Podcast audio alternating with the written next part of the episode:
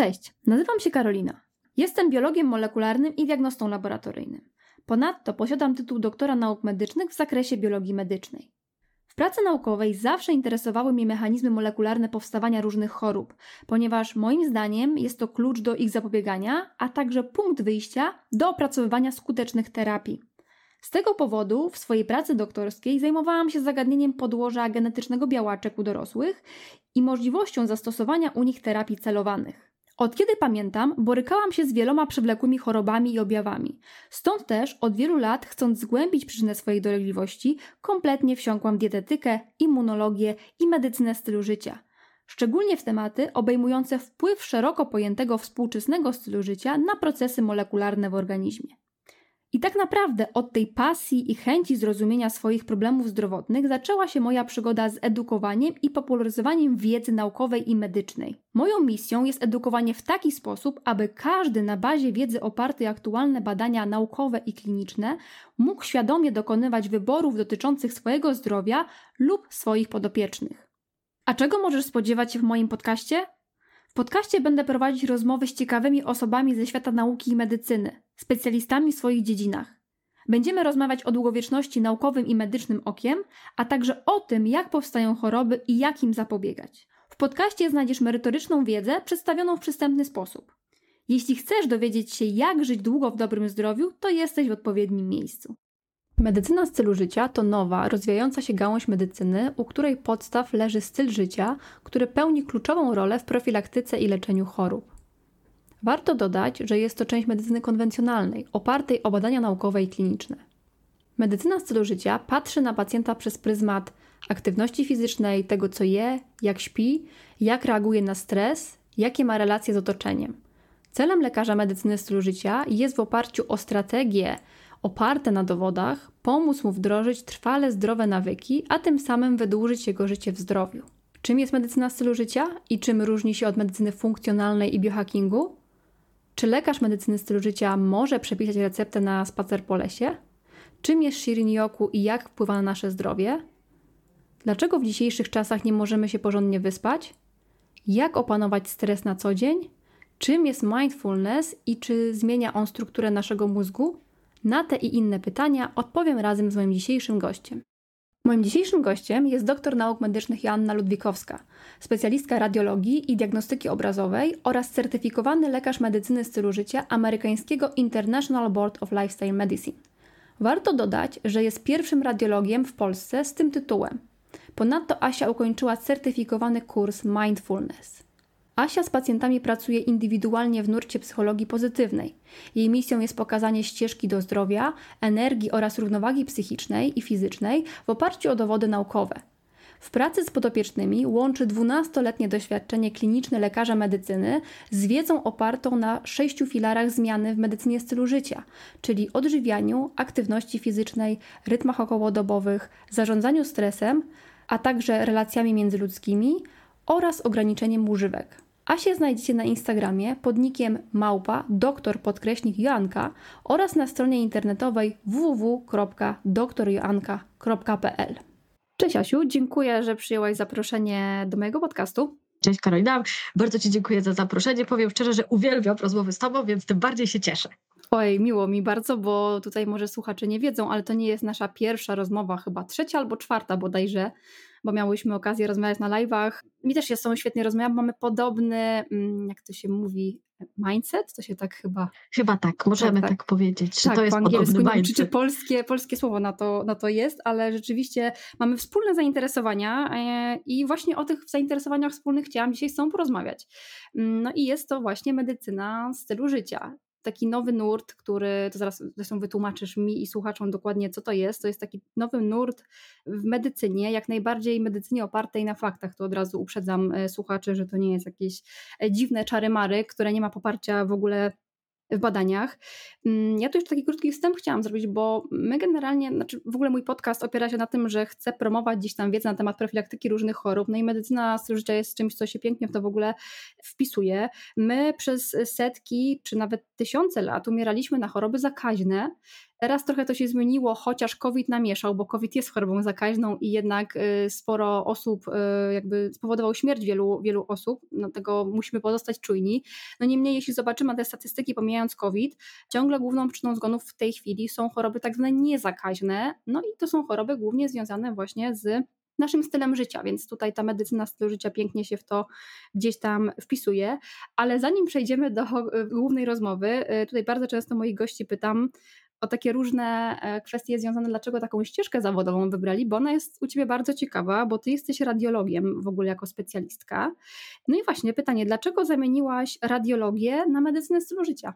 To w ogóle, y, co ciekawe, radiologia wynik, wyniknęła z tego, że ja jestem bardzo niezdecydowana i się nie mogłam w medycynie zdecydować, w którym kierunku chcę pójść. A w radiologii jest wszystko, bo patrzymy na ciało ludzkie od środka, od głowy po końce palców.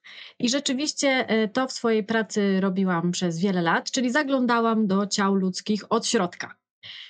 Bardzo to jest fajna praca, bo to jest praca detektywistyczna, yy, dla mnie przynajmniej. Mamy Taki objawy. House troszeczkę. Troszkę tak, mamy objawy. Jeszcze przed COVID-em, kiedy były tak zwane kominki lekarskie, rozwiązywaliśmy wspólnie zagadki, co się u pacjenta dzieje. To, czego mi brakowało w radiologii, to to, że kontakt z pacjentem rzeczywiście jest bardzo ograniczony, a od te, wiadomo, od, od pandemii jeszcze bardziej on się ograniczył. I mówiąc szczerze, brakowało mi takiego, mm, t- takiego follow-up, czyli tego, co się u pacjenta dzieje, kiedy ja już znajdę przyczynę problemu. Poza tym, jako radiolog miałam przyjemność pracować w wielu miejscach i w takim szpitalu, że tak powiem, ogólnym i w szpitalu onkologicznym, ale też w klinikach sportowych. I to, co zauważyłam, patrząc do środka tych ciał, na te szaro, biało-szare, czarne obrazy, to to, że rzeczywiście widać ten styl życia w środku. Bo nie ukrywam, że w tej klinice sportowej ciała wyglądały zupełnie inaczej, mimo że roczniki te same. I sama zaczęłam, mówiąc szczerze, troszeczkę y, chorować. Y, szłam w stronę hiperlipidemii, jakieś takie drobne zaburzenia były, a jak poszłam do lekarza, pierwsze słowa były proszę wziąć statyny i do końca życia je brać. Ja byłam przerażona, bo ja miałam wtedy 28 lat. No właśnie, młodą osobą bardzo byłaś, więc bardzo. branie leków jest naprawdę... Tak, a przy zakładanej długości życia, no to jest 50 lat z lekami. Więc mówię, na pewno jest w medycynie jakaś gałąź, która zajmuje się tym, bo przecież znamy przyczyny chorób, wiemy skąd się biorą, więc gdzieś coś musi być. I rzeczywiście ta medycyna stylu życia pojawiła się y, w kręgu moich zainteresowań. Jest ona już w Stanach Zjednoczonych od 2008 roku. U nas dopiero wchodzi. I na razie rzeczywiście nie jest to za bardzo znane. Jeżeli mówię, że jestem certyfikowanym lekarzem medycyny stylu życia, to dostaję pytanie, co to za szarlataneria. Żadna. Właśnie to jest najważniejsze, że to nie jest żadna szarlataneria, to są podstawy, to są naprawdę bardzo proste rzeczy, które każdy z nas może wprowadzić i to, o czym mówiłaś, że te choroby teraz już niezakaźne nam zagrażają, a właśnie te tak zwane cywilizacyjne, na to medycyna stylu życia ma sposoby i tak naprawdę dzięki temu, że jest, pomoże nam w przyszłości obniżyć nawet koszty leczenia ogólnego, bo po prostu będziemy zapadać na nie później, a nie tak jak teraz, że nawet 30-latki, 40-latki już biorą leki do końca życia. Mhm. Czyli jakbyś miała to opisać, czym jest medycyna stylu życia? No bo to jest młoda dziedzina. Jak mówisz, że 2008 rok y, to są Stany Zjednoczone, no to jest tak. bardzo młode. Y, do Europy, do Polski to pomału wchodzi, ale tak mówisz, jest jeszcze taka mała, niska świadomość tego. Zresztą y, tak przy okazji też powiem, że ta certyfikacja, jeśli chodzi o lekarzy medycyny stylu życia, ona chyba nie jest też oficjalna w Polsce. To jest specjalny kurs, który się kończy, prawda? Nie jest oficjalna w Polsce, natomiast już nad tym pracujemy, żeby oficjalna była. Natomiast to jest takie coś, że po prostu jest to taka baza wiedzy, badań naukowych. Jak w każdym podręczniku interny mamy przyczyny i te przyczyny są opisane, to medycyna stylu życia właśnie z badań z tych wynika, skąd te przyczyny są.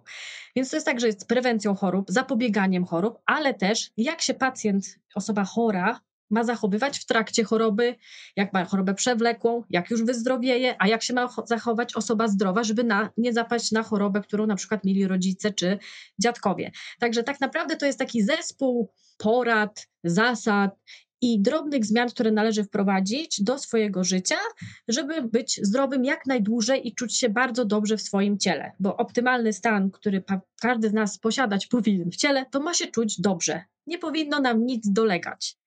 I właśnie taki specjalista medycyny stylu życia pomaga przejrzeć swój styl życia codzienny, dzięki temu zobaczyć, gdzie są jakieś takie drobne miejsca do poprawy, żeby to nasze życie było lekkie i zdrowe po prostu. Więc to jest rzeczywiście ciężko to tak wytłumaczyć, najprościej mówiąc szczerze, na przykładzie, ale to chyba też porozmawiamy o tym, jak wygląda przykładowa interwencja medycyny stylu życia. Tak, tak, za chwilę jeszcze o to zapytam, bo pracujesz bezpośrednio z pacjentami. To, co mi powiedziałaś teraz a propos tego właśnie, czym jest medycyna życia, to mi się też kojarzy najbliżej z takim zawodem, który tym się też zajmuje, to są dietetycy.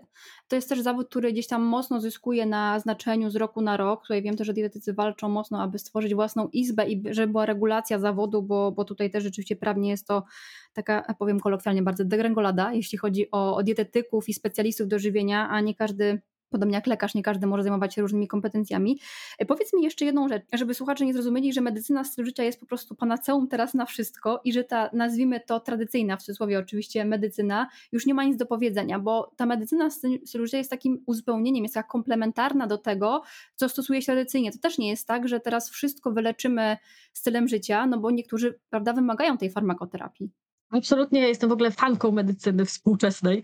Rzeczywiście teraz medycyna ta skupiła się na chorobie, na objawie, na leczeniu, na pigułce, a medycyna stylu życia jest takim dodatkiem, taką pomocą do tego, w jaki sposób ta farmakoterapia jest prowadzona u osoby już chorej, i też tym, żeby jak najmniej osób trafiało do tego leczenia przewlekłego. Zdecydowanie to nie jest panaceum, natomiast to są takie zasady, które każdy może wprowadzić w dowolnym momencie, zacząć w ten sposób działać i na pewno sobie pomoże i na pewno będzie się czuł lepiej wyzdrowieć tym, to nie jest tak, że rzeczywiście możemy cofnąć pewne objawy, na przykład możemy cofnąć insulinooporność, możemy wycofać w jakiś sposób nadciśnienie tętnicze. Nawet są dowody, że blaszki miażdżycowe mniej narastają w momencie, kiedy stosujemy naprawdę e, te interwencje medycyny stylu życia. Natomiast to jest typowe uzupełnienie tego, co już wiemy współcześnie i rzeczywiście osoby, które korzystają, nawet jeżeli są chore przewlekłe, to one mają swojego lekarza specjalistę, który ustawia ich na leczeniu. Ja w to w ogóle nie no w żaden sposób nie ingeruje, bo wiadomo, że ta osoba wtedy jest ustawiona przez swojego lekarza specjalistę, a ja pomagam ten styl życia do tej choroby konkretnej ułożyć. Chociaż przyznam szczerze, że głównie zgłaszają się do mnie osoby raczej zdrowe, znaczy w wynikach badań zdrowe i ogólnie zdrowe, ale nie czujące się dobrze. Mhm. Czyli chcą po prostu zoptymalizować swoje samopoczucie, zdrowie, jakby też jakby wdrożyć pewną prewencję. A powiedz mi, jakie są e, filary w ogóle medycyny stylu życia? Bo mówi się o tych filarach. Co to jest dokładnie? Właśnie, te filary to, super, że powiedziałaś o dietetykach, bo szczerze powiem, że dietetycy robią super robotę, jeżeli chodzi o wdrażanie tych zdrowych nawyków u pacjentów. I właśnie jednym z filarów medycyny życia jest dieta. Jest oczywiście ruch, ale to pewnie każdy by zgadł, że takie y, elementy muszą się znaleźć, ale są też takie rzeczy nieoczywiste jak y, sen i rytmy okołodobowe, relacje międzyludzkie, co też jest ciekawe, że to jest tak ważne dla naszego zdrowia. Zarządzanie stresem, no bo stres już wiemy, że jest przyczyną bardzo wielu dolegliwości z naszego ciała i umysłu. Oraz używki, ale nie używki w sensie, że polecamy używki, tylko regulujemy to, w jaki sposób i jakie używki stosujemy, bo często y, ktoś, kto jest jakby kulturowo przyzwyczajony do pewnych używek, nie zdaje sobie sprawy, że to mu szkodzi, albo że ta ilość mu szkodzi, albo że w ogóle stosuje używki. Także tutaj zarówno takie leki w nadmiernym stopniu używane, narkotyki, alkohol, to wszystko sprawdzamy w tym stylu życia, czy tego nie jest za dużo i czy to nie wpływa. Także filarów jest sześć i na wszystkich sześciu pracujemy. No właśnie o tych filarach sobie jeszcze powiem, może nie o diecie aktywności, bo nie starczyłoby nam czasu, jakbyśmy o wszystkim mówili, ale może o tych mniej oczywistych, ale to później, o śnie, właśnie o, o zarządzaniu stresem, czy tej budowaniu odporności e, na stres, bo ty też jesteś e, certyfikowanym instruktorem o mindfulness, dobrze mówię?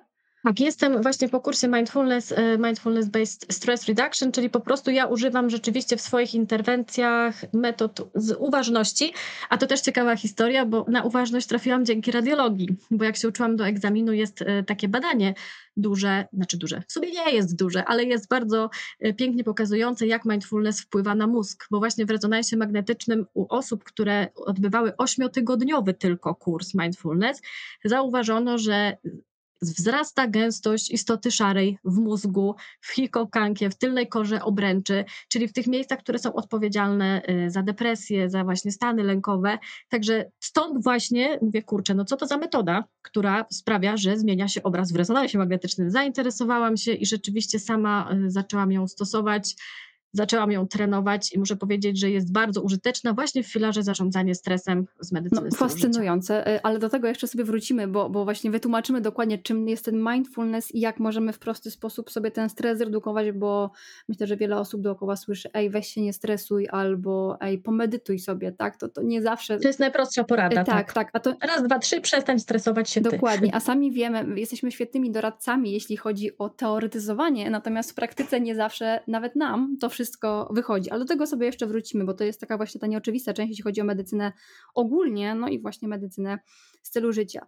E, Asiu, jeszcze chciałam zapytać o jedną rzecz, bo my też o tym sobie już rozmawiałyśmy poza tutaj nagraniem. Jest dużo takich trendów ogólnie, jeśli chodzi o tak zwany zdrowy styl życia. Tak? Medycyna stylu życia gdzieś tam to reguluje jako taka gałąź medycyny opartej na faktach, na badaniach. Natomiast bardzo często jako synonim medycyny stylu życia podaje się tak zwaną medycynę funkcjonalną albo biohacking. Pewnie też o tym słyszałaś. Czy to jest tożsame z medycyną stylu życia, czy to jest w ogóle coś innego? To jest coś innego, zdecydowanie. Medycyna funkcjonalna ma wprawdzie bardzo dużo wspólnych cech z medycyną stylu życia, jest ona oparta na holistycznym podejściu do pacjenta, bo rzeczywiście to słowo holistyczne jest teraz bardzo modne i popularne z uwagi na to, że tak jak mówiłam, współczesna medycyna zaczyna trochę być bardzo specjalistyczna, czyli ktoś zajmuje się głową, ktoś sercem, a ktoś wręcz lewą stopą. A w przypadku funkcjonalnej mamy tak, że patrzy się na całość. Natomiast w medycynie funkcjonalnej jest część taka, która nie do końca opiera się o dowody naukowe, natomiast marketingowo bardzo fajnie funkcjonuje, bo można kupić jakiś program, kupić jakieś suplementy i sprawdzić, czy to pasuje dla naszego stylu życia. Natomiast nie jak za małe pieniądze metodami, tutaj yy, dodam. no to też dodaje prestiż i dzięki temu działa skuteczniej, bo to też tak jest, że im drożej, tym lepiej, wiadomo. Oczywiście jest pewne elementy medycyny funkcjonalnej naprawdę świetnie działają, Natomiast dla, do mnie nie przemawia ta y, marketingowa część profilaktyki zdrowotnej, bo jeżeli już jest, no to dobrze, ale niech będą na to poparte dowody naukowe, takie, które wie na dużej grupie, a nie takie anegdotyczne, eksperymentalne i na zasadzie uważam, że u pani to podziała. No i jest tam troszeczkę takiej magicznej strefy, gdzie ja absolutnie akurat w medycynie nie lubię tego. Uważam, że akurat jeżeli chodzi o zdrowie, to jest tak ważne, w jaki sposób funkcjonuje nasze ciało, nasz umysł, że nie ma co tutaj miejsca na eksperymenty, lub niech robią je na kimś innym, ale na przykład no nie na mnie i nie na osobach, które się do mnie zgłaszają. Także mam tutaj podejście. Już takie eksperymenty można robić, na przykład, wiesz, medytacja, albo spróbować y, nowych produktów żywnościowych, albo jakiegoś treningu. To Takie są mi się bezpłatne, podobają. tak, to są bezpłatne rzeczy, które nam e, w sumie nie zaszkodzą, a jak nie będą nam pasowały, to sobie to, to zmienimy. Natomiast tutaj też ja się z tą zgodzę rzeczywiście, że jeśli coś kosztuje parę tysięcy i ktoś nam oferuje, że będą z tego cuda, to absolutnie musi nam się zapalić czerwona lampka i myślę, że najpierw spróbujmy od podstaw, a potem zobaczmy, czy ewentualnie coś takiego by nam, by nam pomogło. Tak, rzeczywiście taką, y, jaką ja widzę różnicę między medycyną właśnie funkcjonalną czy biohackingiem, a medycyną stylu życia. Medycyna stylu życia jest prosta, tania, dostępna dla wszystkich, łatwa do wprowadzenia przez każdego. Rzeczywiście fajnie mieć kogoś, kto wskaże, gdzie są te obszary do poprawy.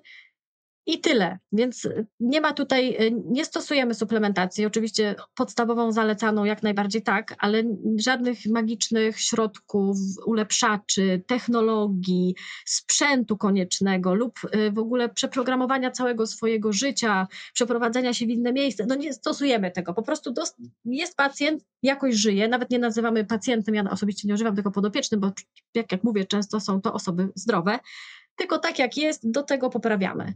Bo nie każdy ma, jest w stanie właśnie zmienić pracę, rytm dnia, żeby dopasować się do tego, jakie są zalecenia takie właśnie już bardziej marketingowe, że się tak mhm. wyrażę.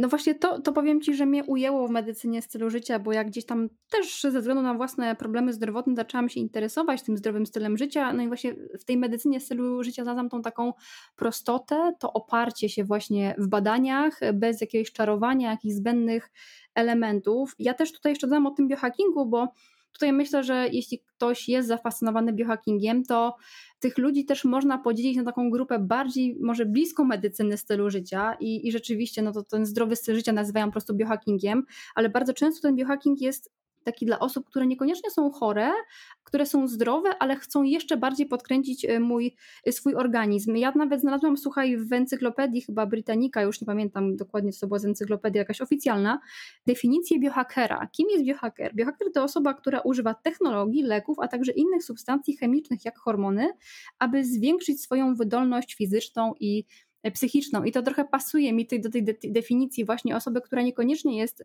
chora i po prostu, nie wiem, czuje się źle, jest przewlekłe, zmęczona i potrzebuje paru zmian, tylko ona czuje się świetnie i chce już tak po prostu na wyższe obroty gdzieś podkręcić swój organizm, więc tu chyba też mamy taką definicję. Stronę takiego super, y, super człowieka, na maksa wydolność fizyczna, na maksa y, taka umysłowa, jakby jak najdłuższa ścieżka do długowieczności w zdrowiu, Ogólnie y, dla mnie to definicja takiej dość ciężkiej pracy wygląda, a poza tym y, eksperymentowanie ze swoim ciałem też się kończy y, różnie.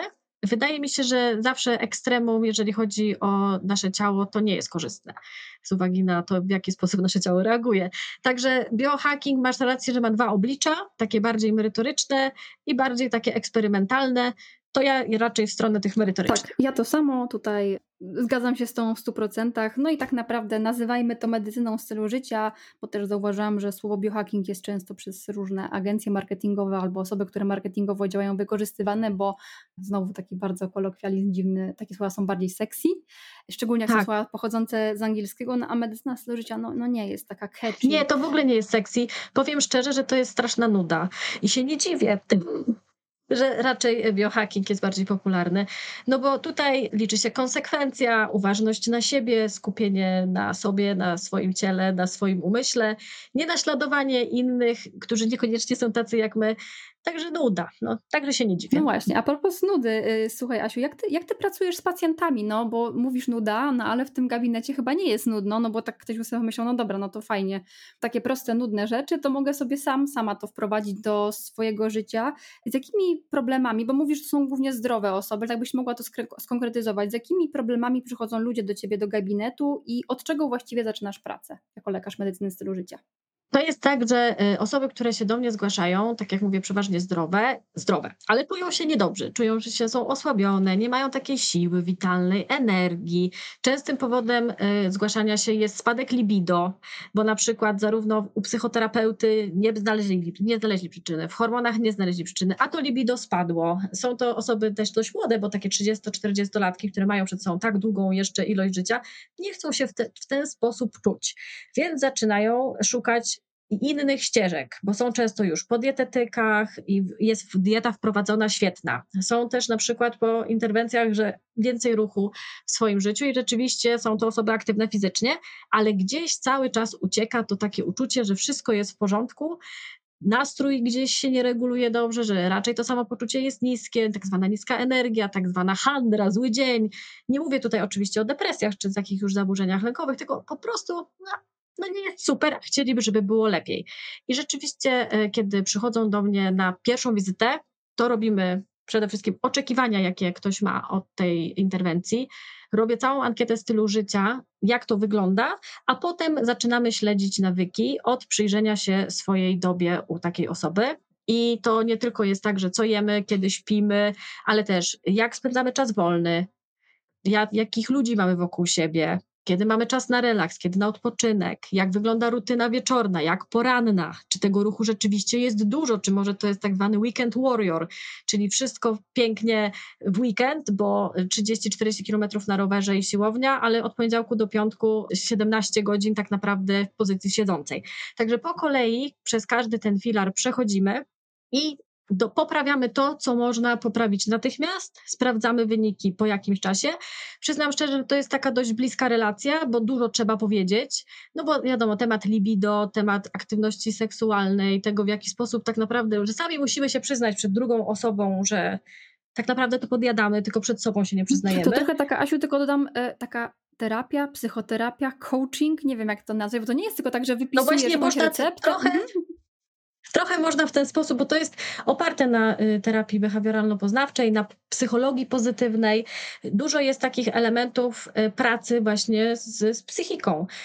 I to jest tak, że mm, ta odpowiedzialność za to, jak to pójdzie, spoczywa i na mnie, i na osobie, która przychodzi, więc jesteśmy razem w tym. Ja widzę po prostu i obiektywnie, krytycznie jestem w stanie ocenić, gdzie tam jest jakieś miejsce do poprawy, jakaś, jakiś mały obszar, czego sami o sobie nie powiemy, bo sami o sobie nie jesteśmy w stanie często zauważyć, bo po prostu jesteśmy do siebie albo zbyt łagodnie, albo zbyt wręcz krytycznie nastawieni i raczej właśnie zbyt krytyczne nastawienie przeważa u osób, które się do mnie zgłaszają, bo powiem szczerze, że za mocno się piłują i nie ma tam ani relaksu, ani odpoczynku. No i jest też, pokutuje niestety nadal, wyśpię się po śmierci, gdzie najlepiej urwać czas, no to może nocą. I są to osoby notorycznie niedosypiające. No właśnie, ten sen to też jest bardzo, bardzo ważna rzecz. E, do, to, to jeszcze sobie do snu przejdziemy, bo, bo chciałam trochę więcej o tym z Tobą porozmawiać, bo to też jest temat, który oprócz medycyny stylu życia jako całości też mocno nas fascynuje obydwie i też miałyśmy kilka rozmów na ten temat. Czyli tak patrząc, tak przyjmujesz pacjentów do gabinetu, raczej nie mogą się spodziewać, że przepiszesz im złotą tabletkę albo jakiś lek, no chyba, że to są na przykład zielone recepty na spacer po lesie. Tutaj rzeczywiście dodaję takie drobne rzeczy, jak właśnie zielone recepty, czyli więcej kontaktu z naturą, więcej kontaktu ze światłem dziennym, dyskretnie więcej ruchu, bo czasami rzeczywiście ktoś jak y, siedzi na tej pupie latami, no to nie wstanie z nienacka, ale takie drobne rzeczy, które poprawią natychmiast nastrój, a y, są to proste rzeczy, bo na przykład jeżeli codziennie wieczorem pijemy jeden kieliszek wina i odstawimy to, przez dwa tygodnie, a też prowadzę wtedy taki samopoczuciownik, że gdzieś zaznaczamy ten nastrój poranny, okazuje się, że potrafi się diametralnie zmienić i to w przeciągu dwóch tygodni. Także rzeczywiście tutaj nie ma leków, nie ma recept, chyba że ktoś oczywiście sobie jest na leczeniu, to ma te leki i sobie je przyjmuje. Ja to nie ignoruję. I powolutku sprawdzamy, co zadziała, gdzie te drobne zmiany robią efekt wow. Tylko, że uwaga, to nie jest efekt wow, że zaczniemy w poniedziałek i jest w środę. Wymaga to takiej uważności, wglądu w siebie. Dwa, trzy, sześć tygodni to są czasy, w których można jakieś efekty zauważyć, takie, że rzeczywiście to widzimy. Przy czym trzeba to zapisywać, bo jak już się czujemy dobrze, to zapominamy, że się czuliśmy to gorzej. prawda, musimy mieć ten punkt odniesienia, żeby porównywać się właśnie, że było lepiej, potem jak jest lepiej, to potem, żeby znowu porównać, jak było lepiej e, gdzie było wcześniej lepiej, bo a najlepiej to się porównać do punktu wyjścia, gdzie my byliśmy, a gdzie my jesteśmy, bo masz rację, my zapominamy. Ja też jestem ogromnym fanem um, zapisywania różnych rzeczy i nie w aplikacjach, tylko zapisywana ręcznie, bo badania to pokazują, że my lepiej zapamiętujemy, to też poprawia gdzieś naszą taką plastyczność mózgu, tak funkcjonuje, więc takie ręczne pisanie, nawet ja jak gdzieś tam robię konsultacje dotyczące snu, to rzeczywiście daje też takie do wydrukowania po prostu y, tabelki, gdzie zapisujemy różne rzeczy, a nie zapisujemy w aplikacji, albo aplikacja jeszcze za nas pomyśli, bo to jest też kolejna rzecz, gdzie po prostu zrzucamy odpowiedzialność za skupianie się na sobie tu i teraz w tych czynnościach na aplikację. To chyba też masz takie podejście. Ja rzeczywiście też wyrzucam sporo technologii z tej medycyny stylu życia. Jak ktoś lubi mieć gadżet, sama noszę zegarek, bo po prostu lubię, ale jak ktoś lubi, nie ma sprawy. Natomiast jak najmniej kontaktu z ekranami, kiedy to jest możliwe.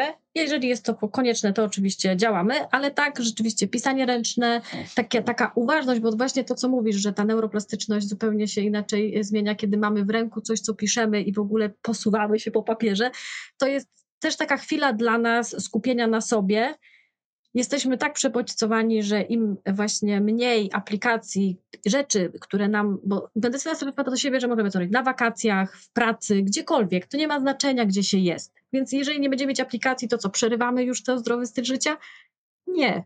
Ma być on z nami cały czas. To są nawyki, które się niestety no, kształtują z czasem. Chociaż tak jak y, ktoś mówi, że w życiu nie wprowadzi tego, nie ma szans, to zawsze zadaję pytanie, czy umie pan myć zęby? No tak, no a kiedyś pan nie umiał. A udaje się codziennie? Mhm. No tak, no więc właśnie, więc też się da to wprowadzić. Po prostu wszystko da się wprowadzić, jeżeli będziemy to powtarzać i jeżeli naprawdę, no nikt już nie kwestionuje mycia zębów. Może za 20 lat wyjdą badania, że to jest bez sensu, to mycie zębów przez nas.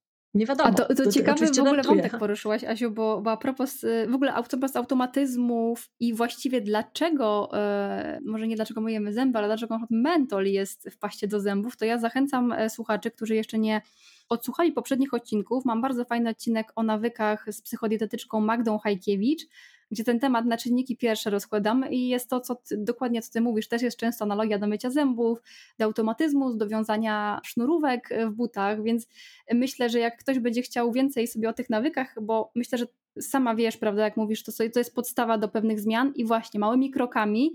Także odsyłam słuchaczy do tamtego odcinka, bo myślę, że to będzie fajne tutaj uzupełnienie, bo to też jest element, mm, jakby zmiana nawyków, element medycyny stylu życia. Dlaczego zapytałam Cię o zielone recepty? Bo może słuchacze nie, nie załapali o co chodzi, ale rzeczywiście chyba w Szkocji było tak, że lekarze zaczęli przepisywać zielone recepty, czyli takie recepty na spacer w lesie, a to wzięło się tak naprawdę z Japonii, czyli Shirin Yoku. Zna, znasz na pewno tą metodę? Czy... Oczywiście. No właśnie. Metodę znam, stosuję i nawet jeżeli jest się w mieście, jakieś drzewa da się znaleźć. Y, chodzi o to, żeby jak najwięcej mieć kontaktu z naturą, bo my jesteśmy przystosowani do życia w naturze. Tak naprawdę nasz postęp technologiczny i cywilizacyjny poszedł szybciej niż nasze biologiczne ciałka biedne zdążyły I się zaadaptować. Mamy, prawda? Tak, i na przykład samo kontakt z naturą pomaga wyregulować rytm okołodobowy, a obie właśnie często rozmawiałyśmy o rytmie okołodobowym, jaki jest ważny, żebyśmy się czuli dobrze, żebyśmy byli zdrowi, żeby nasz układ odpornościowy działał dobrze. I takie, takie drobne zalecenie, jak więcej czasu w naturze, codziennie, chociaż trochę, to jest game changer, który procentuje po jakimś czasie i rzeczywiście znowu tutaj możemy tego nie zauważyć, a jak sobie zapiszemy, to zauważymy, że jest lepiej i inaczej. I w ogóle, jeżeli chodzi o ilość plusów z tych kąpieli leśnych jest niesamowita. Tylko jak zwykle to jest jeden z elementów. Jeżeli wszystko inne leży, to 15 minut w lesie nas nie uratuje. Także fajnie jest w medycynie stylu życia to, że ja znając kogoś, jestem w stanie dodać parę elementów, które poprawią. Takie najważniejsze, które ta A... osoba potrzebuje na dany moment, które tak. kuleją. A czasami ktoś potrzebuje naprawdę jakaś zmiana drobna w diecie, jakaś zmiana drobna w ruchu, jakaś zmiana w używkach, a na przykład zarządzanie stresem opanowuje świetnie, chociaż przyznam szczerze, że zarządzanie stresem jest jedną z najgorszych i rytm okołodobowy. U większości osób właśnie poprawa tych obszarów sprawia, że jest efekt no wow. Mhm. No właśnie, bo tu znowu może też tak dodam tylko, bo ktoś może słuchać i myśleć, kurczę, co one gadają? Spacer po lesie, jakieś kąpiele leśne, shirnioku, to w ogóle nie jest dla mnie. Natomiast y, ja zawsze gdzieś tam w swoich podcastach staram się nawiązywać do różnych badań naukowych i też na końcu podcastu zawsze są badania, o których y, mówimy. Jest taki y, bardzo fajny z zeszłego roku przegląd parasolowy. Ja tak, nie każdy będzie wiedział o co chodzi ze słuchaczy, bo nie każdy jest medykiem, ale to jest taki bardzo, bardzo wysokiej jakości przegląd różnych badań, które się pojawiły w kontekście właśnie kąpieli leśnych i Shirin-yoku. I tutaj są bardzo silne dowody, które pokazują, że mm, takie kąpiele leśne są świetnym uzupełnieniem, jeśli chodzi o poprawę naszego dobrostanu psychicznego, zmniejszenie stresu, niepokoju. Jeśli ktoś ma brak równowagi emocjonalnej bądź jakieś łagodne zaburzenia nastroju, to nawet to, co mówisz, to 15 minut może u niektórych osób jak najbardziej pomóc. Więc tutaj to nie jest jakaś abstrakcja, którą wymyślamy, tylko to jest mocno zakorzenione w po prostu badaniach naukowych i klinicznych. Właśnie tak stwierdziłam, jak był lockdown, że jak wspaniałą w sumie rzeczą były sanatoria. Kiedyś się jeździło, jak było się chory na przykład na gruźlicę, to na półroczne leczenie, a tam było wszystko, co pacjent potrzebował.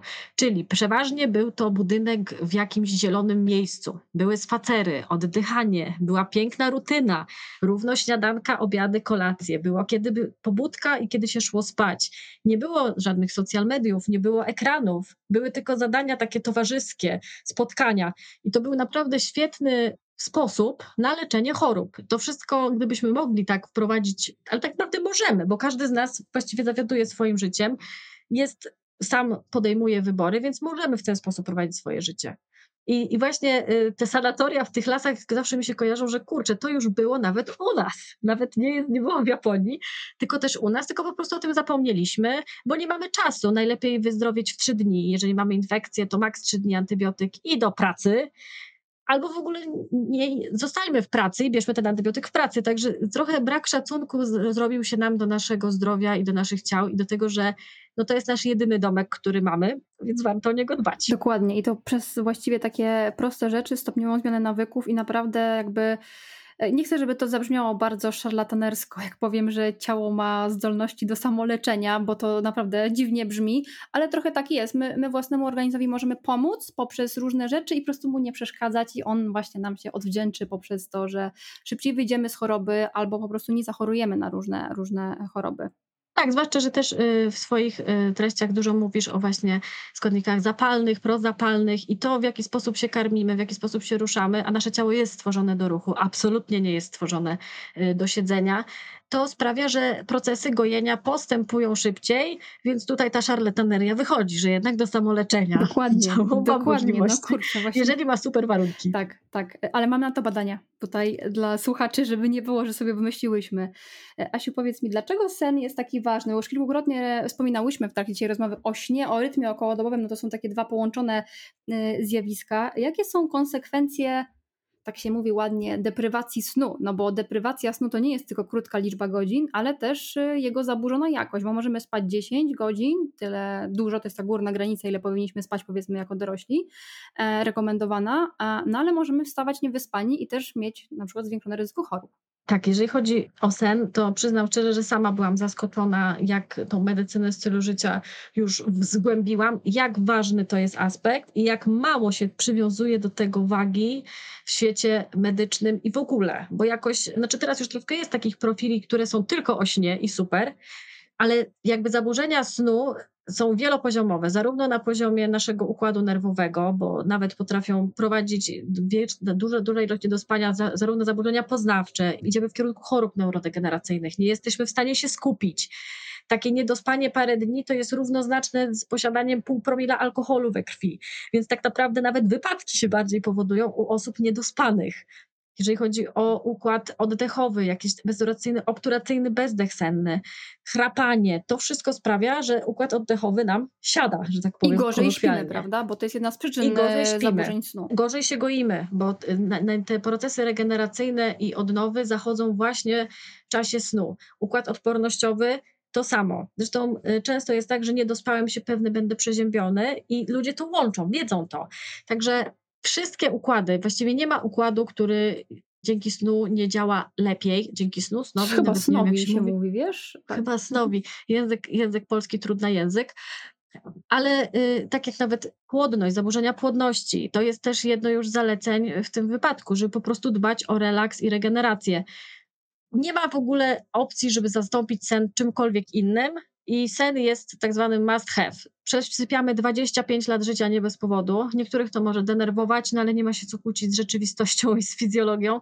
Tak jest, spać musimy i właściwie taka rada z medycyny stylu życia za darmo dla wszystkich prosta. Proszę spać dobrze i będzie na pewno lepiej. Tak, to, to jest chyba w sumie najprostsza z rad rzeczywiście i to, co powiedziałaś na początku, my mamy taką łatwość, y, jak chcemy sobie rozszerzyć dobę, a bo doby się nie da rozszerzyć, to sobie ucinamy nasz sen, bo jakby kosztem obowiązków i nie do końca hmm, chyba jeszcze rozumiemy to y, po naszym samopoczuciu, że my jak sobie utniemy ten sen, to my na drugi dzień mniej zrobimy, będziemy mniej wydatni, a, y, wydajni, przepraszam, ale jeszcze jedna ważna rzecz, y, o której nie wspomniałaś, to są zaburzenia metaboliczne, które są epidemią, otyłość, zespół metaboliczny, prawda?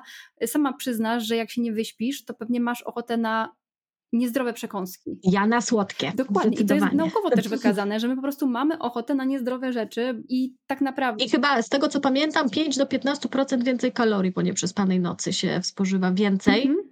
Dlatego uważa tego, się, że pamiętam. to jest no. jedna z przyczyn właśnie, która jest taką cegiełką do otyłości, bo jeśli my nie wysyp, się nie wysypiamy, to nagle no, nie będziemy z powietrza tyć oczywiście, ale to co mówisz, tą podaż kaloryczną my sobie po prostu y, zwiększamy i właśnie to co wykazały badania, że tak zwane produkty o zwiększonej gęstości kalorycznej nam mamy większą ochotę na nie wtedy, kiedy jesteśmy y, niewyspani, więc to pokazuje, że tak naprawdę sen leży też u podstawy epidemii wielu chorób cywilizacyjnych. Tak, i rzeczywiście jest tak, że teraz nawet przy leczeniu otyłości, kiedy wprowadza się leczenie farmakologiczne, mówi się o tym, żeby spać dobrze, właśnie żeby te, to okno żywieniowe też skracać i żeby nie robić tych zaburzeń metabolicznych, bo widać, znaczy tak, teraz właśnie tak jak mówimy o tym śnie, przypomniało mi się, że zawsze młode mamy się odzywają, że no ale jak to? To jak mam, co, co mam zrobić?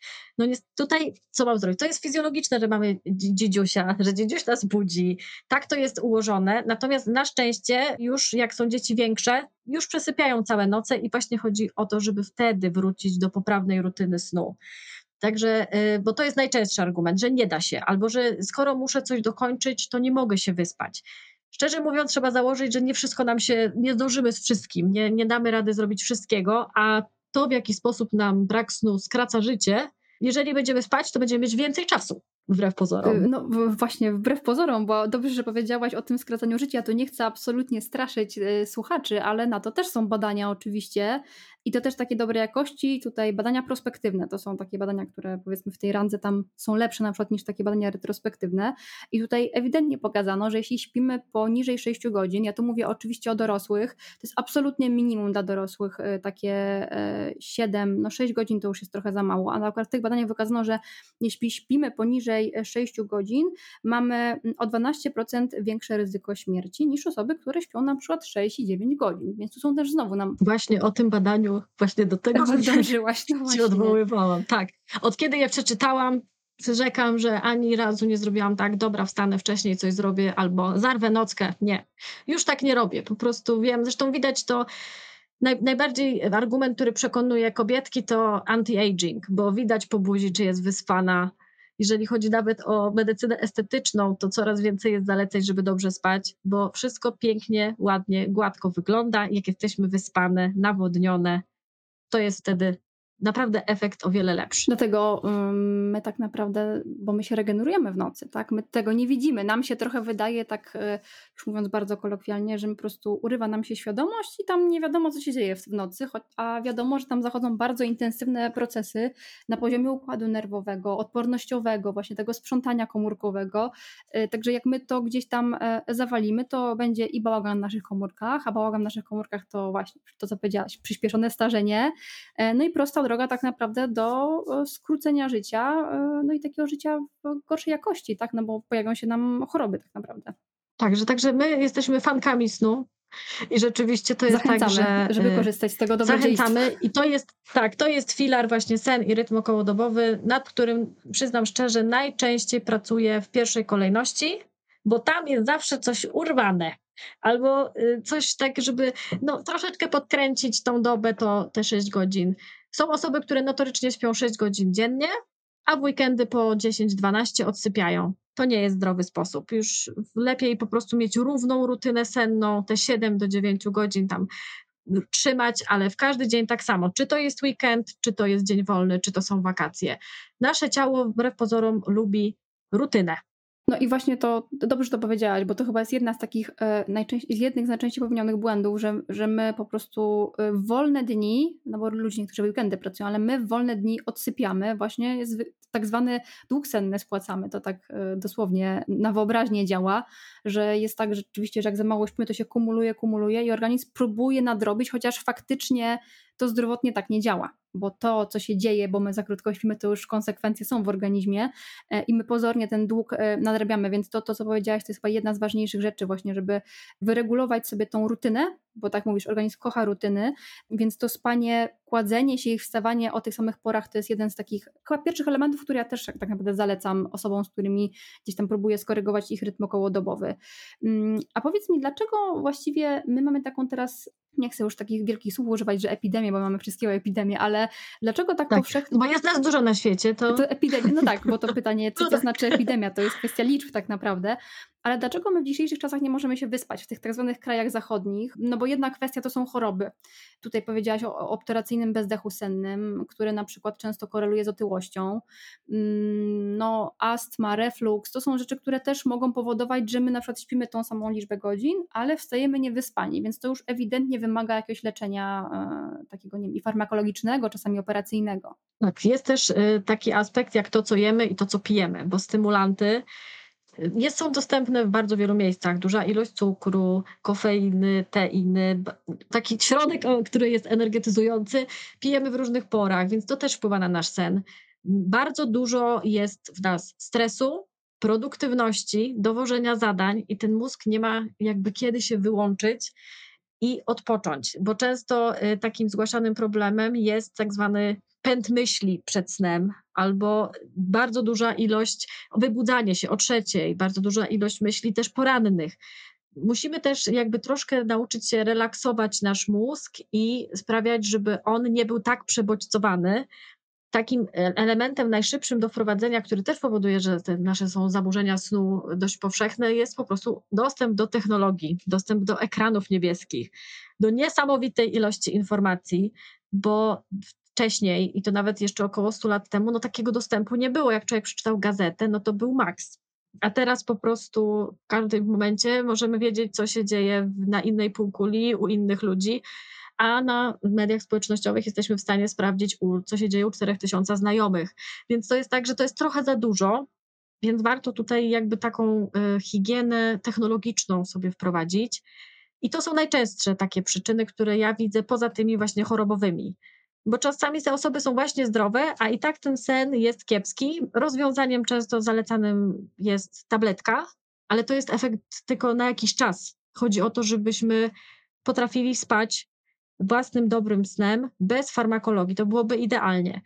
Także tutaj wtedy pracujemy nad rutyną wieczorną, e, rutyną poranną, żeby ten czas snu był najbardziej zaopiekowany. Mhm, czyli tutaj e, dobrze powiedzieć tej technologii, bo tu są jakby dwa aspekty, prawda? Bo dosyć, że mm, powiedzmy, że tak, no nie ma takich sztywnych rekomendacji, ale te minimum takie dwie godziny przed pójściem spać, żeby nie korzystać z różnych e, urządzeń elektronicznych. Po pierwsze, bo to nam pobudza nasz układ nerwowy i wyrzut kortyzolu, bo nie wiem, właśnie czytamy, co się dzieje u koleżanki, u kolegi, albo jakieś wiadomości takie mm, bardzo które nas y, no nie wiem, stresują, denerwują, y, przeczytamy, ale druga kwestia to jest właśnie to światło. My jakby eksponujemy się w nieodpowiednich porach dnia na różne światło, bo tam światło, które jest emitowane... I szyszynka nie wie, co się dzieje. Ona Dokładnie. myśli, no to jak to, to dzień? No dobra, to wstajemy. Mhm. To, no wtedy nie chodzi no o to, żeby Powiedzmy wstawał. może Asiu o tym więcej, bo y, tutaj to, co powiedziałaś, to jest bardziej w kontekście pobudzenia, ale też ten rodzaj światła, na który się eksponujemy wieczorem, e, no nie jest odpowiedni i może właśnie zaburzać wydzielanie melatoniny czyli hormonu snu. Tak, zresztą naturalnie możemy sobie to zaobserwować y, akurat w naszym kraju w, w, porach roku, bo to jest tak, że jak teraz są dłuższe dni, to łatwiej nam się wstaje, y, chętniej później idziemy spać, a w listopadzie każdy wie, to by spał, spał i spał, bo właśnie ciemność wpływa na, na, nasz, na naszą szyszynkę, na wydzielanie melatoniny, a to światło niebieskie trochę oszukuje nasz mózg. Są oczywiście sposoby, jak okulary, które to światło filtrują, natomiast tak naprawdę dla zdrowia naszego umysłu to odstawienie tej technologii, tych bodźców, bo to, co mówiłaś, że coś nas denerwuje, nasz mózg nie odróżnia, czy to jest realne, to jest tylko po prostu jakaś informacja z internetu. To jest to samo y, dla naszego mózgu, więc on reaguje tak samo i stawia nas do działania. A chodzi o to, żeby wieczorem się wyciszać, spokojnie w to wchodzić, bo to jest organ jak każdy inny. Nam się wydaje, że nie, ale to jest organ jak każdy inny i on ma na, na funkcję utrzymać nas przy życiu za wszelką cenę. Więc wszystkie zagrożenia, zazdrości, niefajne informacje będzie po prostu tak filtrował, żeby nas pobudzić do działania, a nie o to chodzi. Też mu dajmy odpocząć. Więc tutaj musimy być bardziej odpowiedzialni od naszego mózgu i po prostu sprawić, żeby on się uspokoił i właśnie dać mu taką możliwość wyciszenia, więc ja technologię w ogóle wywalam, nawet nie stosuję żadnych filtrów i tylko po prostu zwykłą książkę, starodawną metodę, można gry planszowe, można pobyć z rodziną, z bliskimi, coś pokombinować, porobić jogę. Naprawdę opcji, co można porobić w domu jest dużo. Można wstawić do zmywarki, nie ma sprawy, ale chodzi o to, żeby było jak najmniej kontaktu z tym światłem niebieskim i żeby ta rutyna wieczorna już nas tak, żeby to był czas dla nas, który nas uspokaja i właśnie miło kładzie do łóżeczka. Mhm, to, to jest bardzo ważne, też tutaj się z tą zgodzę, że to jest jedna z takich rzeczy, których nie pilnujemy. Właśnie ta ekspozycja na światło i jakieś, nie wiem, pracowanie do późnych godzin. Ja też czasami mi się zdarza na przykład trochę dłużej popracować. Ja generalnie mam bardzo taką sztywną rutynę, bo ja pilnuję tego rytmu okołodobowego, no, ale czasami są takie, no, to jest życie, tak? Nie, nie jesteśmy w stanie wszystkiego jak w zegarku pilnować. Ja na przykład widzę tą zależność, że jak trochę dłużej popracuję, albo nie wiem, rano coś muszę zrobić bardziej prywatnego, a po południu e, dłużej e, pracuję, ja mam ogromny problem z zaśnięciem bo jednak ten przystymulowany, nawet jak nie korzystam z mediów społecznościowych czy, czy jakichś e, takich innych rzeczy, samo to przebywanie przed komputerem, pracowanie też, naświetlanie się na to światło niebieskie. E, co prawda powinnam filtra użyć, ale ja nie mam tych filtrów, bo ja w ogóle staram się po prostu, jak mówisz, pilnować tego na co dzień. Więc ja widzę tą różnicę i naprawdę ktoś może wierzyć albo nie, to może być naprawdę taki właśnie prosta rzecz, taki znowu, to się tak mówi, game changer, jeśli chodzi o pewne nasze nawyki. Fajnie, że mówisz właśnie o takich rutynach, którymi to można zastąpić, bo e, my też lubimy rutyny, no i właśnie fajnie, żeby coś w zamian to wstawić, czyli czytanie książki, e, nie wiem, gorąca kąpiel, też się ze mną zgodzisz, jest takim... Idealnie, tak. Nasze nasze ciałko to bardzo lubi, odprężająco działa. Poza tym naturalnym jest, jeżeli ocieplimy ciało, a później ono po kąpieli wychodząc się ochłodzi, idealnie to działa na nasz układ hormonalny, nerwowy i kładziemy całe, wszystkie nasze komórki do łóżeczka. I to jest bardzo fajny pomysł. Jest parę takich rzeczy, które można robić. Przede wszystkim należy to dobrać do siebie i do tego, co człowiek lubi. Poszukać sobie, zadbać o siebie, być dla siebie życzliwym. Wiadomo, że jak czasami popracujemy dłużej, po prostu masakrujemy swój styl życia przez jakiś czas, nie szkodzi. Być dla siebie życzliwym, uważnym na swoje potrzeby i po prostu wrócić do rutyny, bo często jest taka zasada wszystko albo nic, albo idzie mi wspaniale, albo już porzucam.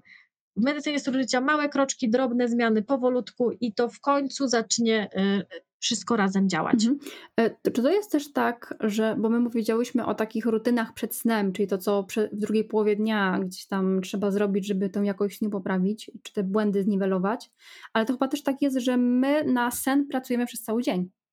Tak, zdecydowanie. I właśnie e, też miałyśmy chyba taką, pamiętam, rozmowę o poranku. Też mówiłyśmy, co, co fajnie zrobić rano, żeby właśnie ten rytm dobowy i właśnie shirin yoku, czyli kąpiele leśne, albo po prostu kontakt ze światłem, który nam też rytm dobowy reguluje, to żeby nie zaczynać dnia ze światłem dziennym, od technologii. Tutaj od razu tak, ze światłem mhm. dziennym a, ze światłem dziennym, to żeby też nie zaczynać dnia od sięgania po wiadomości, po telefon, do komputera nie siadać, bo to znowu nasz mózg od razu wchodzi w tryb walka, bo już ma tyle bodźców, on musi z wszystkimi y, już zacząć działać. A jeżeli powoli wejdziemy w ten dzień, wiadomo, że jest różnie. I tutaj znowu, jeżeli mamy małe dzieci, to też jest inaczej.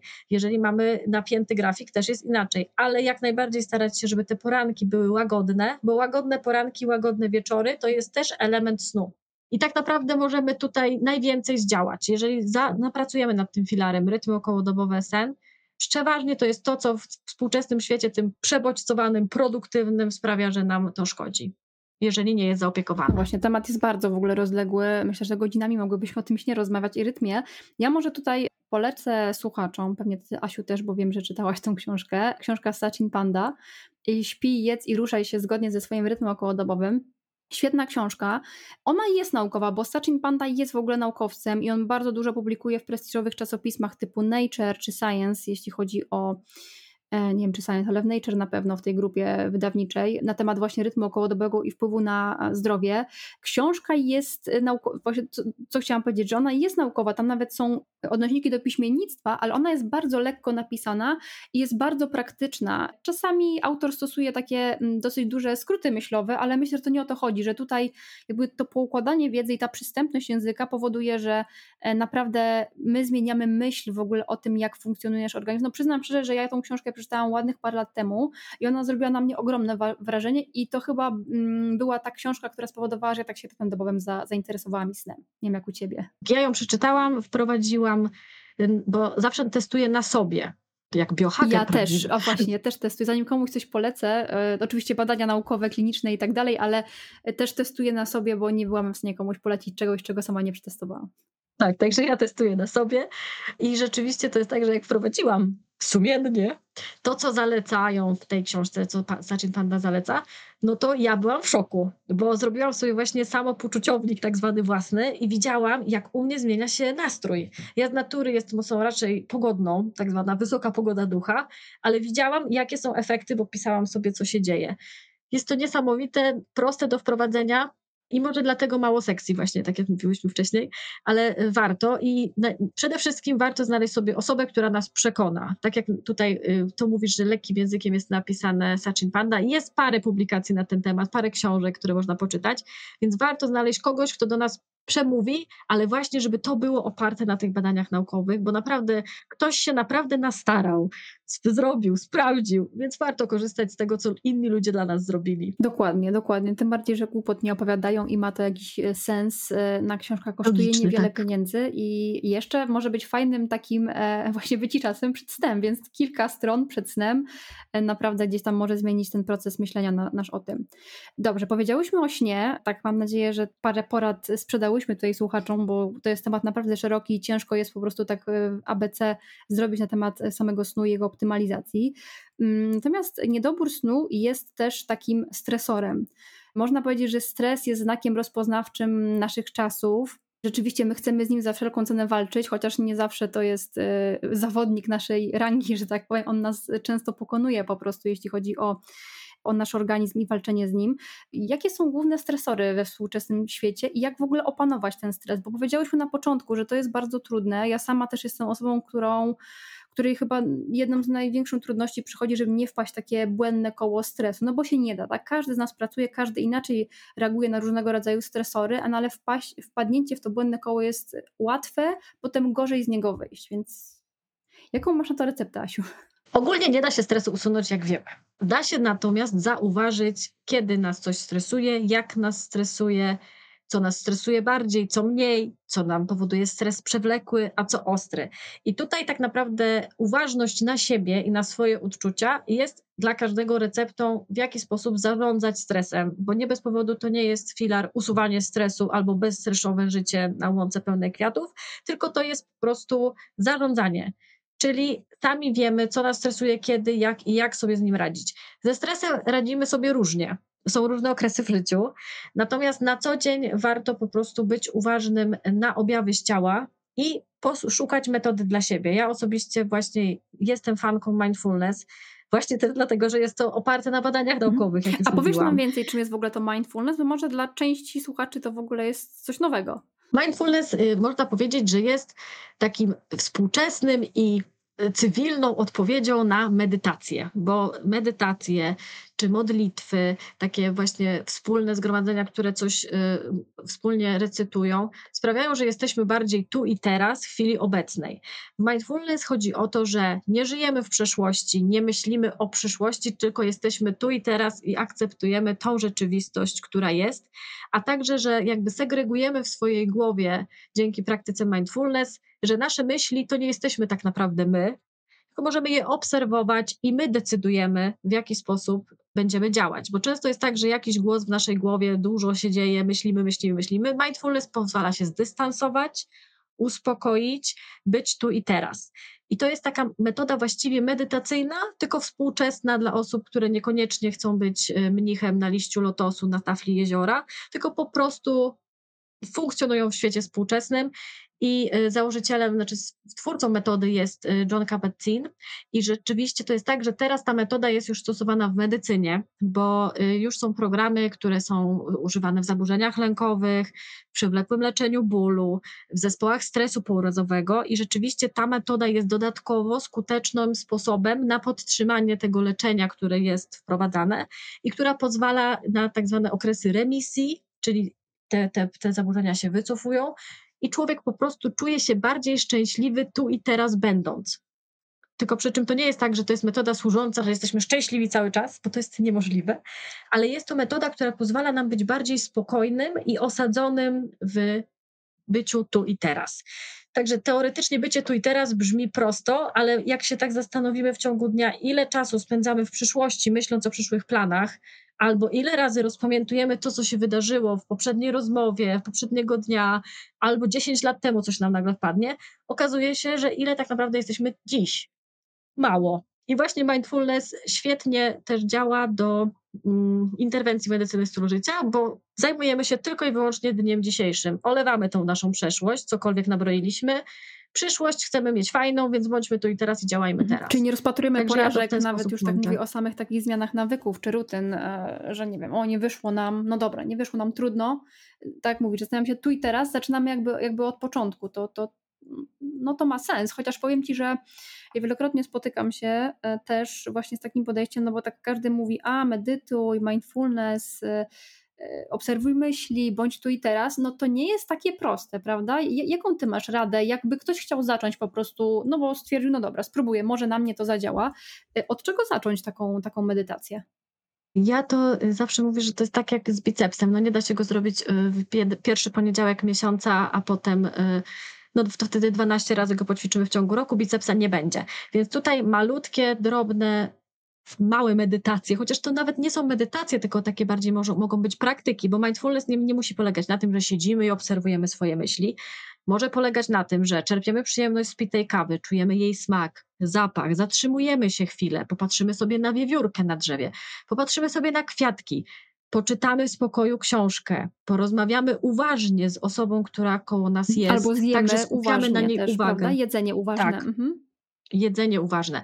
Także ta uważność jest w każdym elemencie naszego y, życia i praktykowanie mindfulness to niekoniecznie taka y, medytacja. Oczywiście w późniejszym czasie, bo rzeczywiście początkowe te takie siadanie do praktyki to jest gehenna. Ja sama to przeżyłam. Ja myślałam, mówię, Boże, no nigdy się, nie ma szans, w ogóle nie chcę, proszę natychmiast wyjść. Także nie podobało mi się, ale takie drobne rzeczy, zresztą moje ulubione ćwiczenie z kostką czekolady, gdzie bardzo uważnie i długo je się jedną kostkę czekolady, rozpuszczając ją w ustach, myśląc o jej konsystencji, kolorze, smaku, no to jest bardzo przyjemne ćwiczenie, to zaczyna człowiek powoli załapywać o co chodzi. Oczywiście nie polecam, żeby codziennie kostka czekolady w ten sposób praktykować na kostce, na, na, tabliczce i codziennie, ale chodzi o to, że takie drobne, malutkie rzeczy. Nawet można uważnie składać pranie, uważnie słuchać podcastu.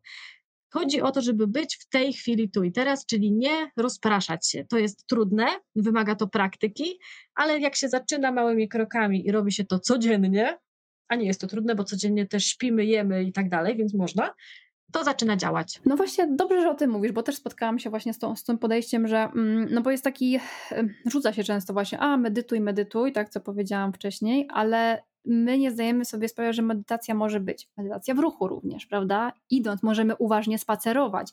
Wszystkie rzeczy, które robimy codziennie, co powiedziałaś, jemy, powiedzmy, składamy pranie, sprzątamy, chodzimy nawet zwykły spacer, czy jeździmy samochodem, bo my nawet mam wrażenie, że my uważnie nie jeździmy samochodem, e, bo my lecimy na, znowu na automat tyzmie pewnym, którego się nauczyliśmy, jak już jesteśmy kierowcami, którzy mają jakiś czas prawo jazdy, ale takie uważne jeżdżenie to chyba tylko ma się, jak się odbierze prawo jazdy, prawda? Potem to już idzie... Wtedy ma się hiperuważność. No właśnie o to chodzi. No i to jest taki, powiedzmy, no to jest, tam jest dużo stresu przy tym, prawda, bo się stresujemy, ale generalnie proste czynności, które robimy, nawet słuchaj, pisanie artykułu na komputerze. I ja się czasami przyłapuję, że jak mi się nie chce zrobić czegoś, to ja zaczynam myśleć o czymś innym. I ja się łapię na. Masz tylko kilka kanałów myślenia po tak, prostu. Tak, wtedy. tak, tak, bo wiesz, nawet jak bierzemy prysznic, to my zaczynamy myśleć, że rozpoczynamy dzień, bierzemy prysznic, już planujemy ten dzień, to nie planujmy tego dnia, tylko właśnie skupmy się na tym prysznicu, jak ta woda spływa po naszym ciele i, i no takich właśnie drobnych rzeczach, bo tutaj chciałam, żeby to wybrzmiało, że to. A to jest takie przyjemne, jak się człowiek już tego trochę nauczy, to wręcz jest oburzony, że ktoś mu przeszkadza, muszę powiedzieć. Bo takie uważnościowe życie sprawia, że naprawdę jest miło samemu ze sobą. Człowiek zaczyna siebie bardziej lubić, doceniać swoje granice, swoją przestrzeń, jakby szanować siebie. Są jest z tego bardzo dużo plusów, oprócz tej wyższej gęstości hipokampa w rezonansie No właśnie, tego nie zobaczymy, chyba że sobie rezonans zrobimy porównawczy przed i po tym długim czasie medytacji, ale ja też potwierdzam, bo jest sporo badań takich, może nie jakieś hiper ekstra jakości, ale to, że medytacja wpływa na aktywność różnych komórek układu odpornościowego, na układ hormonalny, więc to jest naprawdę realnie jakby ten układ nerwowy ma takie połączenie z hormonalnym i z odpornościowym, więc to jakby jest logiczne nawet, że po prostu to w jakiś sposób wpływa, a to, że my nie zawsze jesteśmy to w stanie zbadać, nie znaczy, że to po prostu nie istnieje. Czyli takie mindfulness można powiedzieć, że jest, powinno być taką naszą codzienną rutyną, którą przem... Trening mózgu. Tak, tak, bo nasz mózg jest trochę leniuszkiem. Jak już ma automatyzmy, no to leci. Po co będzie się Dlatego tam powinniśmy się uczyć nowych rzeczy, prawda? Bo to też poprawia naszą tak. znowu neuroplastyczność, ale powiedzmy, że medytacja, też to badania pokazują, jakby łatwiej znosimy stres, budujemy tą odporność na stres medytując, ale co w sytuacji, kiedy mamy taki nagły stres? Jak opanować to? Czy na przykład nie lepsze są w tym momencie ćwiczenia oddechowe? Tak, to na taki nagły napad, y, moją ulubioną metodą, kiedy to jest ostry stres, tak naprawdę y, króliczki to by poszły się wykróliczkować, że tak powiem, czyli wybiegać po polu. My nie możemy zawsze trzasnąć drzwiami, krzyknąć i uciec z sytuacji, ale już taką metodę tak zwaną pudełka, czyli oddychanie do pudełka i tu nie trzeba mieć żadnego pudełka, tylko wyobrażamy sobie kwadrat i po prostu na każdą ścianę kwadratu oddychamy na cztery, czyli cztery wdech, cztery przytrzymanie, cztery wydech, cztery bezdech. Czyli dopiero to jest tak bardzo powolne oddychanie. Zrobimy tak 10 razy, 5 razy, już się uspokajamy, bo dajemy sygnał naszemu układowi nerwowemu spokojnie, nie goni mnie żaden lew, nikt mnie teraz nie morduje, po prostu wkurzył mnie szef, możemy się uspokoić. I nasze ciało wtedy już wie, a dobra, to jednak nic ważnego, to się uspokaja. A jeżeli się nie uspokoimy, to te, te wszystkie metabolity streso, stresowe w naszym ciele budują, robią się nam napięcia. Są osoby, które bardziej psychosomatyzują stres, czyli po prostu ich ciało reaguje z pięciami, bólem. I to jest bardzo ważne, żeby sobie takie ostre reakcje uciąć. A oddech jest bardzo prosty i jeszcze nikt się za nikogo nie obraził, że sobie pooddychał na denerwującej rozmowie czy w korku no raczej jest to społecznie akceptowalne, żeby sobie poddać. Tak, to jest bardzo fajne, to jest fajna to metoda. właśnie taka na szybko, bo no, no, medytacja nie wchodzi w grę, kiedy jesteśmy zestresowani, nasze myśli po prostu biegają w różne strony, ale to też co powiedziałaś, że króliczki się chcą wybiegać, ale faktycznie tak jest, że aktywność fizyczna jest najlepszą metodą rozładowywania stresu, bo nasz organizm przygotowuje się do walki albo ucieczki, czyli mamy stymulację układu nerwowego i właściwie on do tej ucieczki się przygotowuje albo do walki, czyli mięśniami i właśnie kośćmi próbuje ruszyć, a my siedzimy jak y, zamurowani. I właśnie chodzi o to, żeby to zamurowanie przebić, czyli się poruszać. Rozładować. Więc jak możemy, to biegamy. Znowu, można to wszystko włączyć właśnie w Shirin Yoku, w ten poranny spacer, bo mamy spacer, mamy oddychanie, mamy naturę, można po, uważnie po, się pomedytować, w sensie w ruchu. Także tak naprawdę można łączyć te metody i być właśnie uważnym na ten swój stres. Bo stres przewlekły to idealnie właśnie jest y, niwelowany ruchem. Czyli też jednym z filarów tak naprawdę medycyny życia, o którym dzisiaj dużo nie mówiłyśmy, tylko przeplatałyśmy, ale no mówię, te, te filary są tak istotne i można na, na temat właśnie powiedzieć relacji międzyludzkich. Na to też są właśnie fajne badania, że samotność może skracać nasze życie, zwiększać ryzyko różnych chorób, e, więc jakby to wszystko jest mega. No wycięcie toksycznych osób z otoczenia, jeżeli jest możliwe, to jest super sposób na zdrowie. Wiadomo, że bywa to trudne czasami, ale naprawdę to, kim się otaczamy, ma y, niesamowite znaczenie. Zresztą w tych właśnie skąd te relacje międzyludzkie, bo w niebieskich strefach, w których żyją osoby długowieczne, bardzo ważny jest aspekt społeczny. Wspieranie się wzajemne, spotkania. I to nawet nie chodzi tutaj o partnera, o rodzinę, tylko w ogóle o społeczność. I poczucie przynależności które, takie tak naprawdę. Poczucie mhm. przynależności. Także to jest bardzo fajne i wa warto też szukać takich osób, które nam w jakiś sposób pomogą te zdrowe nawyki utrzymywać, będą nas wspierać i przy których czujemy się dobrze. Tak naprawdę my dobrze wiemy, przy kim czujemy się dobrze, a kto nam, po kim czujemy się rozedrgani i e, no, nieprzyjemnie. Także słuchać siebie, swojego ciałka i swojego y, mózgu, słuchać oczywiście nieprzesadnie, bo kiedy mówi, to teraz leżymy trzy tygodnie i jemy ciastka, no to tak wtedy już nie słuchamy, ale z uwagą. Dokładnie. Asiu, y, tak myślę, mm, jak to znowu podsumować, bo ja w ogóle jestem słowa w podsumowaniach, nawet jak twoje podcasty kończę, to no słaba jestem, nie, nie, nie potrafię nigdy tego, tego zebrać. Myślę, że było parę puent gdzieś tam po kolei w naszej rozmowie. E, ja się bardzo cieszę i mam nadzieję, i ja się cieszę, bo myślę, że, że, że, dobrą pracę zrobiłyśmy. Mam nadzieję, że słuchacze do tego docenią, że troszeczkę Twoje, e, to jak opowiadasz o medycynie, trochę zmieni obraz tej medycyny, bo myślę, że medycyna trochę przeżywa kryzys, przyznasz mi, że. Mm, wizerunkowy. Wizerunkowy, no właśnie, bo to nie chcę generalizować, ale tak jest rzeczywiście, że tej medycynie zarzuca się różne rzeczy, tylko są przypisywane tabletki, nie patrzy się holistycznie na pacjenta i tak dalej. No, no to jest krzywdzące. Ja się też nie do końca z tym zgodzę, bo to też jest zły system funkcjonowania. Nie zawsze to jest wina personalna osób, które pracują w tym systemie, tylko, tylko zły system I, i bardzo się cieszę, że pokazałaś trochę takie lepsze, łagodniejsze, ciepłe odlicze e, medycyny. To bardzo mi miło. Ja właśnie też tak mam, jak y, ty mówisz, że nie do końca się zgodzę, że wszędzie jest źle, ale rzeczywiście bywa źle i to jest taki, taka medycyna stylu życia i to, co na przykład ty robisz, jest elementem poprawy całości, bo jak będzie więcej takich głosów, to ja myślę, że w końcu to ruszy. Jeżeli my jako ludzie, jako pacjenci, jako osoby korzystające z ochrony zdrowia też będziemy zgłaszać sprzeciw, no to nie ma wyjścia, to musi się zmienić i musi być bardziej empatyczne, holistyczne i proludzkie. Takie jest moje odczucie. I wymaga czasu, jak zmiana rutyn. To też nie jest zmiana z dnia na dzień, to nie jest rewolucja, bo rewolucje nigdy, nigdy znaczy nie, nie wiem, czy się kończą dobrze. Wydaje mi się, że nie kończą się dobrze.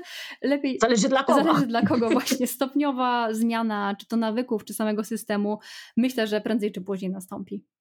Asiu, bardzo Ci dziękuję za rozmowę i do usłyszenia w kolejnym, nie wiem, czy odcinku podcastu, czy kolejnej rozmowy, bo to nie jest nasza na pewno ostatnia rozmowa. Dziękuję Ci bardzo. Bardzo dziękuję Ci za wysłuchanie odcinka mojego podcastu. Jeśli podoba Ci się mój podcast lub wiedza w trakcie jego słuchania była dla Ciebie przydatna, będzie mi bardzo miło, jeśli zostawisz swoją opinię. Po więcej bezpłatnej wiedzy zapraszam Cię na mój Instagram i Facebook lub stronę internetową www.doktorkarabin.pl. Mam nadzieję, że do usłyszenia w kolejnym odcinku podcastu.